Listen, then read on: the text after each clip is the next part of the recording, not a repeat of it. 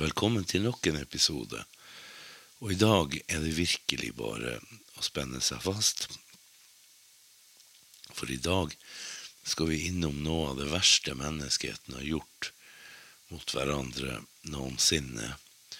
Vi skal til giftgass, vi skal til gasskrigen, vi skal til første verdenskrig, og til noe som er så ufattelig, så forferdelig at det er nesten Ja, det, det, er umulig å forstå at vi mennesker er i stand til å være så fæle mot hverandre, men, men vi skal til det.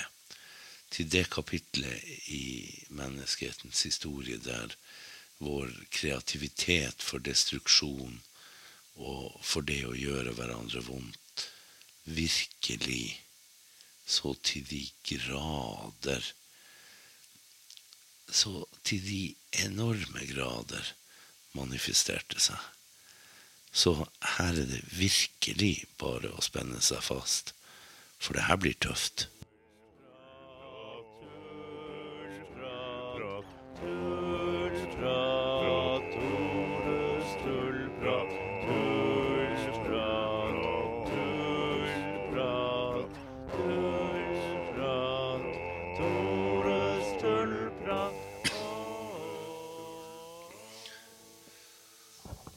De som har fulgt denne podkasten opp gjennom tida, vil jo vite at jeg bruker å ta utgangspunkt i gjenstander. Og det skal jeg gjøre denne gangen òg. Men ikke én gjenstand. Denne gangen er det mange gjenstander. Jeg er jo nerd så det holder, og samler. Og jeg har en masse glasskap med utstillingshoder med hjelmer og gassmasker og sånne ting. Jeg har masse gassmasker fra den tida vi snakker om. Og jeg skal fortelle litt om dem, og hvorfor de var som de var. Og jeg går ut fra, når jeg forteller om det, så vil dere forstå hvor ille det temaet jeg tar opp nå, faktisk er. For det er ille. Det her er virkelig menneskeheten på sitt verste. Altså, når det gjelder giftgass, så, så ble den brukt i, i veldig, veldig, stor grad av alle sider under første verdenskrig. Men det første virkelig store angrepet var ved Yper den 22. april 1915. Og det var tyskerne som da sto for det. Og det var da klorgass de slapp ut i store mengder. Det var gassbeholdere de hadde på sin side, som de slapp når vinden da gikk mot fiendens skyttergraver. Og det som skjedde, var egentlig ganske paradoksalt, fordi at de slapp da ut et nytt og helt uprøvd våpen rett og slett mot fiendens skyttergraver. Og sjøl så innså de ikke hvor kraftig det her våpenet var. De skulle bare prøve det. Og dermed så hadde de ikke styrka stående til å utnytte det enorme overtaket de plutselig fikk. For det som de gjorde, det var jo da å åpne ventilene på de her gassbeholderne. Gassen dreiv mot de britiske og franske skyttergravene. Og de traff en skyttergrav der det lå senegalesiske kolonisoldater i fransk tjeneste. Ingen visste hva som traff dem. Det tok livet av uhorvelige mengder senegalesere. Det var briter like i nærheten som lurte på denne gule skyen og kom ned og fant en forferdelig Virkelig forferdelig scene av døde soldater som lå i skyttergravene, og som hadde prøvd å komme seg opp på port, men selvfølgelig ikke klarte det, og var døde. Altså, det var Plutselig så åpna tyskerne et hull i skyttergravslinjene som kunne ha gitt dem en større seier. Men fordi tyskerne ikke hadde tenkt at det her skulle bli en, en, et stort gjennombrudd, så hadde de ikke reservestyrker stående som kunne rykke frem og rett og slett utnytte det her overtaket. De kunne ha rykka frem, de kunne ha rulla opp skyttergravene bortover fra sida. De kunne virkelig ha gjort noe stort ut av det.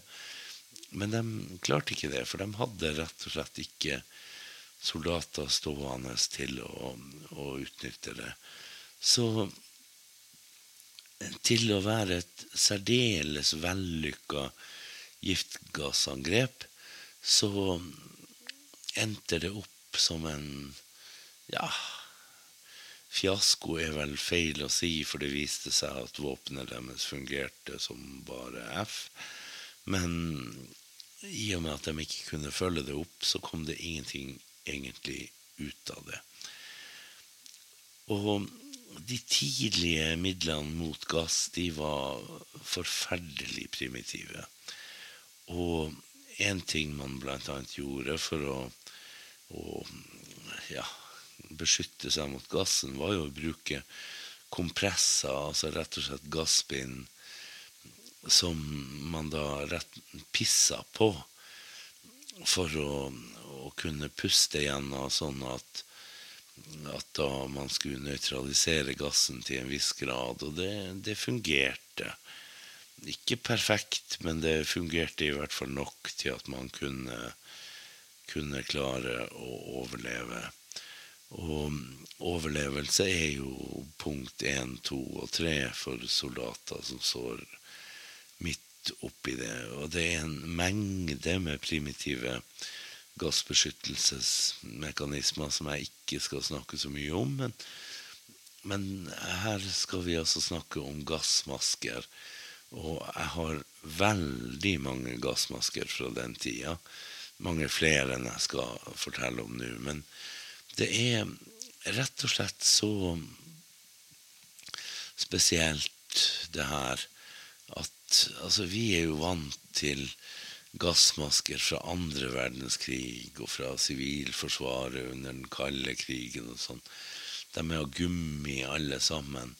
Og sånne moderne gassmasker. Da jeg jobba med kjemikalier i sin tid og, og, måtte bruke gassmaske på jobb, så var jo det selvfølgelig en maske av god, gammeldags gummi. Og ja, den var ikke behagelig å bruke. Men den var i hvert fall veldig mye bedre enn å bli skada av kjemikaliene vi holdt på med. Så sånn er det. Men det var ikke sånn under første verdenskrig, for da trengte de å finne forskjellige måter å sikre seg mot gassen. Og den første av gjenstandene jeg skal snakke om, er jo en tysk modell 1915 gassmaske. Som ja, den kalles jo gummiskytsmaske eller gummimaske. Og den er ikke så lett å finne på nett, for hvis du søker på gummimaske på nett, så finner du forferdelig mye annet. Sånn sadomaso-greier. Det er Du skal bla veldig langt før du finner en ordentlig tyskgassmaske fra den tida. Men jeg har nå en. Og den er ikke laga egentlig av gummi. Den er laga av bomullsduk.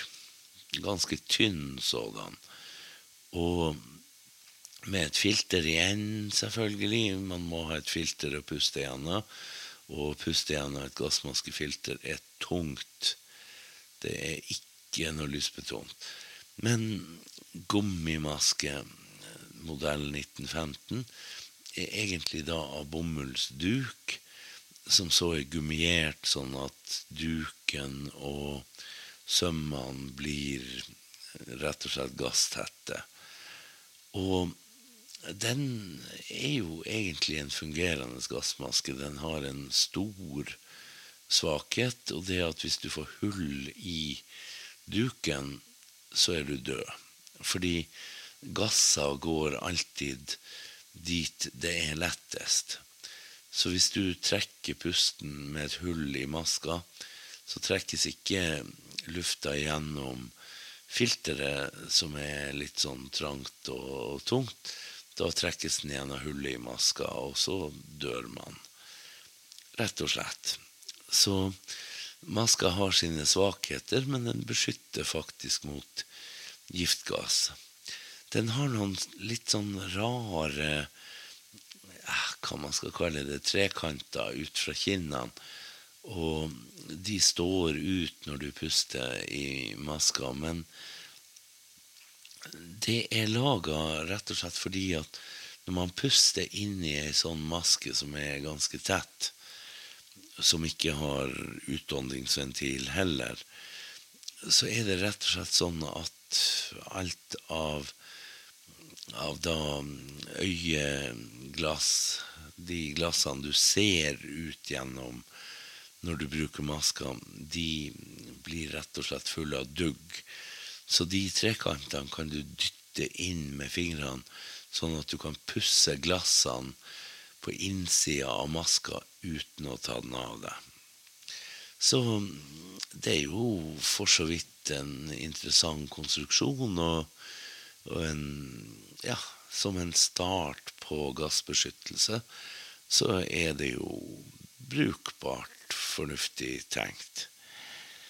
Om det er noe spesielt god greie, det er en annen sak. Som sagt, et hull i maska, og vips, så dør du. Britene og etter hvert amerikanerne, de skjønte jo at de måtte ha gassmasker, de òg. Og de laga en ganske annen patent. Det er den samme bomullsduken som er gummiert. Så der er det likt. Men de ordna seg med en metode som gjorde at man faktisk kunne overleve et gassangrep. De hadde rett og slett to ting. De hadde for det første ei neseklype som man da kan operere fra utsida og sette på. Og så har de da ja, i det hele tatt et munnstykke som er fast i røret, som går ut til slangen til filteret. For de har en lang slange til filteret, sånn at det skal henge i væske foran på kroppen. Det Ja, nok en svakhet, selvfølgelig, for får du et, en, et hull på det røret, den slangen, så er du død da òg. Men i alle fall, du har da det her med at du har ei nesklype, du har et munnstykke, og hvis du lurer på hvordan det munnstykket ser ut, så er det bare å se på en hvilken som helst snorkel som du får i sportsforretning, for det er nøyaktig samme utforminga. Og dermed så er det sånn at hvis du får et hull på ei britisk gassmaske fra den tida, så kan du fortsatt overleve fordi du får ikke gassen ned i lungene, fordi nesen er stengt med denne neseklypa, og fordi munnen er da stengt rundt munnstykket som du da klipper leppene og tennene godt rundt. Og dermed kan du overleve. Du kan bli blind allikevel, fordi at gassen som f.eks. sennepsgass som reagerer med fukt, kan komme inn og komme i øynene. Og det er jo alt annet enn godt, for å si det veldig mildt. Og du kan bli, bli god og blind av det, men, men i alle fall så skal du kunne overleve med den engelske versjonen fordi du har munnstykket, fordi du har neseklypa. Da amerikanerne kom inn i krigen, så var det jo også sånn at de tok den engelske modellen, og de laga en såkalt CEM-versjon, som er Corrected English Mask. Sant? Så det, den har en litt mindre hard neseklype, men ellers er det mye det samme. Og ja, et annet filter, men de er ikke så ulike. Og det som er veldig skummelt i ett etterkant, er jo det at de britiske og amerikanske filtrene inneholder jo fryktelig mye asbest, og asbest er jo ikke noe trivelig å puste ned, men det var jo der og da ganske mye bedre enn å puste inn giftgass og Ja, jeg vet ikke. Sånn alt i alt så var det kanskje bedre. Men hva det førte til i etterkant, det kan man jo stille seg spørsmål om, og jeg er ikke sikker på om det har vært forska noe ordentlig på. Så fins det en en tysk maske som da er en modell 1916, lederschutzmaske, som jeg også har en del eksemplarer av. Den er laga av seigt og godt saueskinn.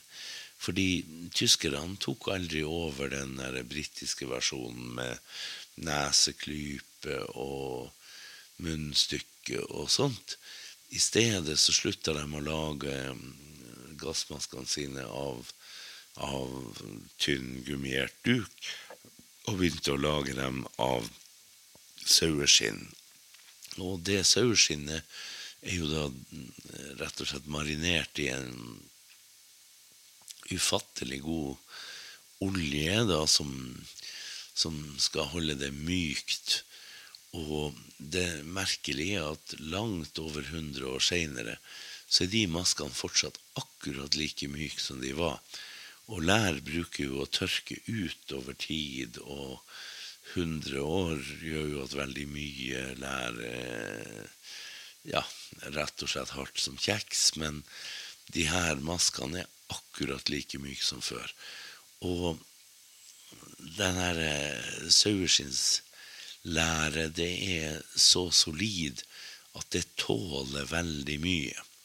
Det er fortsatt sånn at hvis du får et hold i den, så dør du. Men sjansen for å få et hold i de saueskinnsmaskene er veldig mye mindre. Så altså, det er bare Bli her, så skal vi snakke mer om gass og hva som skjedde, og hvorfor det skjedde, og alt det der her. Men akkurat her og nå så venter jeg litt med å gå videre med de gjenstandene. Der fins noe mer. Det er ikke minst noe som heter snappdekkel, som jeg skal fortelle litt om. Men det kommer om ikke så lenge.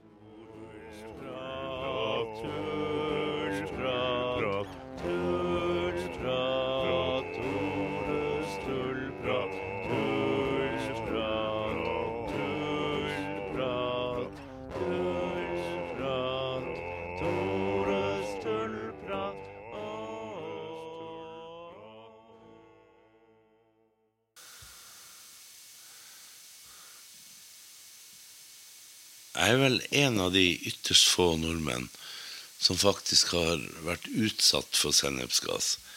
Og hvordan det skjedde, det skal jeg forklare snart.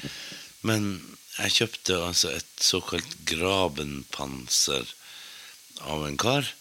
Og det er jo en panserplate som man har på seg, som da dekker helt ned til skrittet. Det er en rekke panserplater på rad som da henger ned, og, de skal henge sammen med da stropper og filtputer imellom.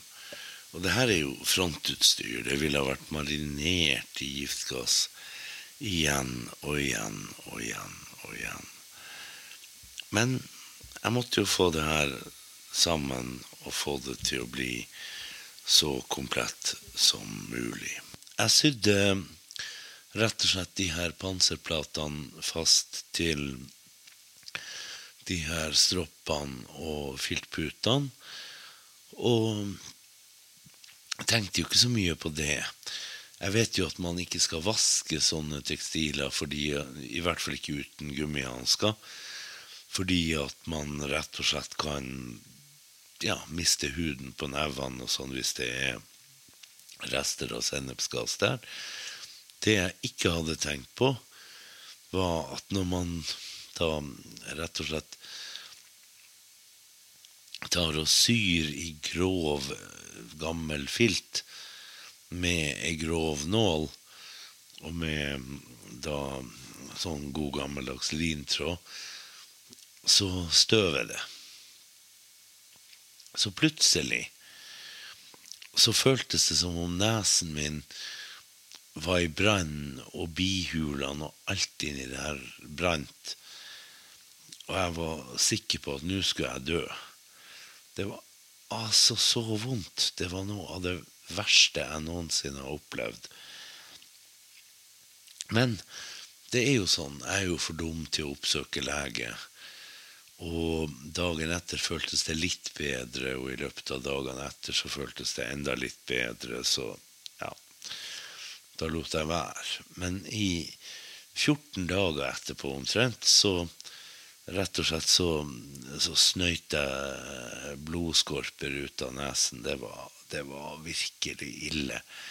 Og det var altså langt over 100 år gamle rester av gamle gassangrep. Jeg tør ikke tenke på hvordan det var før. Nå har jeg jo snakka om de britiske maskene amerikanske maskene og sånn, men, men, før de kom, så hadde jo britene en såkalt PH-hood, som rett og slett var ei, ei hette av et litt tykt og grovt stoff som var innsatt med kjemikalier. Og der var poenget ikke at duken skulle være gummiert og lufttett. Tvert imot. Man skulle puste gjennom duken, og så hadde man en utåndingsventil. Og den ble brukt etterpå, for den var ganske effektiv mot sennepsgassen, og sennepsgass var en forferdelig ting. Og det var jo formodentlig da det jeg også fikk i nesen da jeg klarte å utsette meg for gammel gass.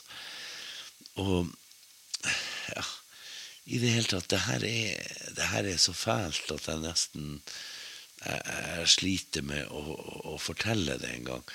Altså, det tok ikke lange stunder før begge sider brukte giftgass i ekstreme mengder. Det var gass overalt og i i granatkratre og sånt. Folk heiv seg ned i granatkratre for å unngå bombardementene, og der nede var det gass, og det var Det tok jo mange, mange liv, og det var helt forferdelig. Og ja Det, det med gass, altså Man finner øyenvitneskildringer der, der folk sier at altså, man gikk til angrep og og det var ille, og folk ble liggende såra mellom linjene, og de lå og skreik frem til natta, for da kom giftgassen, og da ble det stille. Og det er jo ikke vakkert. Det er absolutt ikke vakkert, og alle de her ordene om ærefullt og alt det der, der det, det, forsvinner litt når man leser sånne øyenvitneskildringer. Knut Burswick som var en norsk-canadier og slåss under første verdenskrig det siste mm, året, han forteller jo om at en, en effekt av sennepsgassen spesielt, fordi at den Man brukte jo masse rart. Fosgen, klor og mye rart. Men sennepsgassen var ille. fordi at én ting er at de hadde gassmasker sånn at de ikke pusta inn svineriet.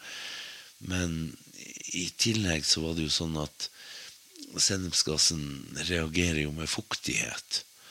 Og det er klart, de var jo både blaut og svett.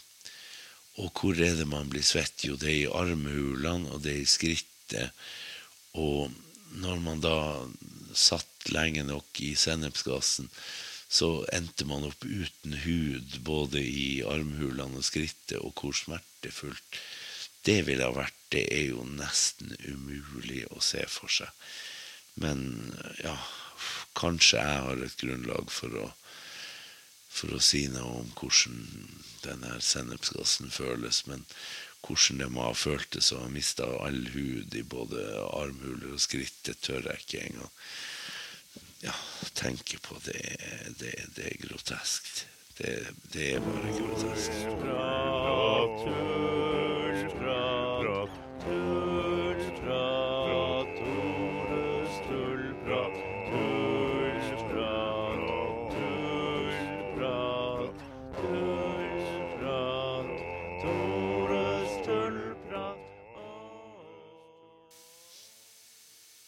Snappdekkel, ja. Det er en ganske spesiell oppfinnelse. Saken er at britene på et tidspunkt kom opp med noe som heter difenylkloroarsin. Som i seg sjøl ikke er dødelig, eller det vil si altså, alt er dødelig i store nok mengder. Men det er et pulver som de skjøt ut sammen med giftgassen. Og hele greia var ikke at difenylkloroarsin skulle være så dødelig, for det var det jo ikke. Men det klarte å ta seg gjennom de tyske gassmaskefiltrene. Og ettersom det er en kraftig irritant, så irriterte det slimhinner, lunger, øye, nese, alt mulig så enormt. Og gjorde at folk ville rive av seg gassmasker men når de reiv av seg gassmaska, så venta jo giftgassen der ute, og da døde de. Så det var hele poenget. Og derfor måtte tyskerne komme opp med et snappdekkel, et eh, filter som måtte klipses utpå det andre filteret.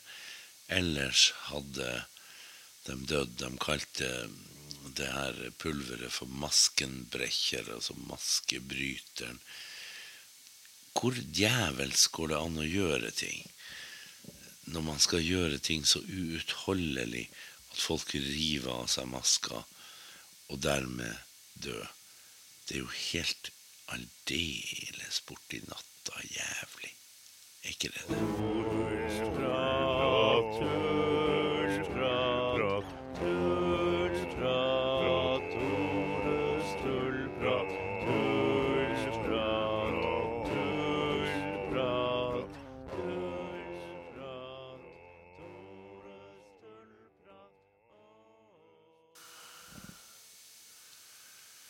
Det fins egentlig bare én måte å avslutte en episode om gasskrig på. Og det er å lese et dikt. Og det er ikke hvilket som helst dikt. Det er Wilfred Owen, en av de helt store britiske poetene fra første verdenskrig. Jeg skal bare si før jeg leser det, jeg skal lese det på utenlandsk, jeg skal lese det på engelsk, at når han nevner The Clumsy Helmets, så er det altså da gassmasker som da i de dager ble kalt for gas helmets. Og tittelen på diktet er jo da Dulce et decorum est. Og det kommer fra et gammelt uttrykk på latin dulce et decorum est pro patria mori. Altså vakkert og søtt og ærefullt er det å dø for fedrelandet. og når man har hørt det her diktet, så kan man jo lure på hvor sant det ordtaket er. Her er altså da Wilfred Owen, dulce et decorum est. Bent double, like old beggars on the sacks knock kneed, coughing like hags, we cursed through sludge. Till, on the haunting flares, we turned our backs, and towards our distant rest began to trudge. Men marched asleep, many had lost their boots, but limped on, bloodshod. All went lame, all blind, drunk with fatigue, deaf even to the hoots of gas shells dropping softly behind. Gas! Gas! Quick, boys! An ecstasy of fumbling, fitting the clumsy helmets just in time, but someone still was yelling out and stumbling and floundering like a man in fire or lime. Dim through the misty panes and thick green light, as under a green sea I saw him drowning. In all my dreams, before my helpless sight, he plunges at me, guttering, choking, drowning.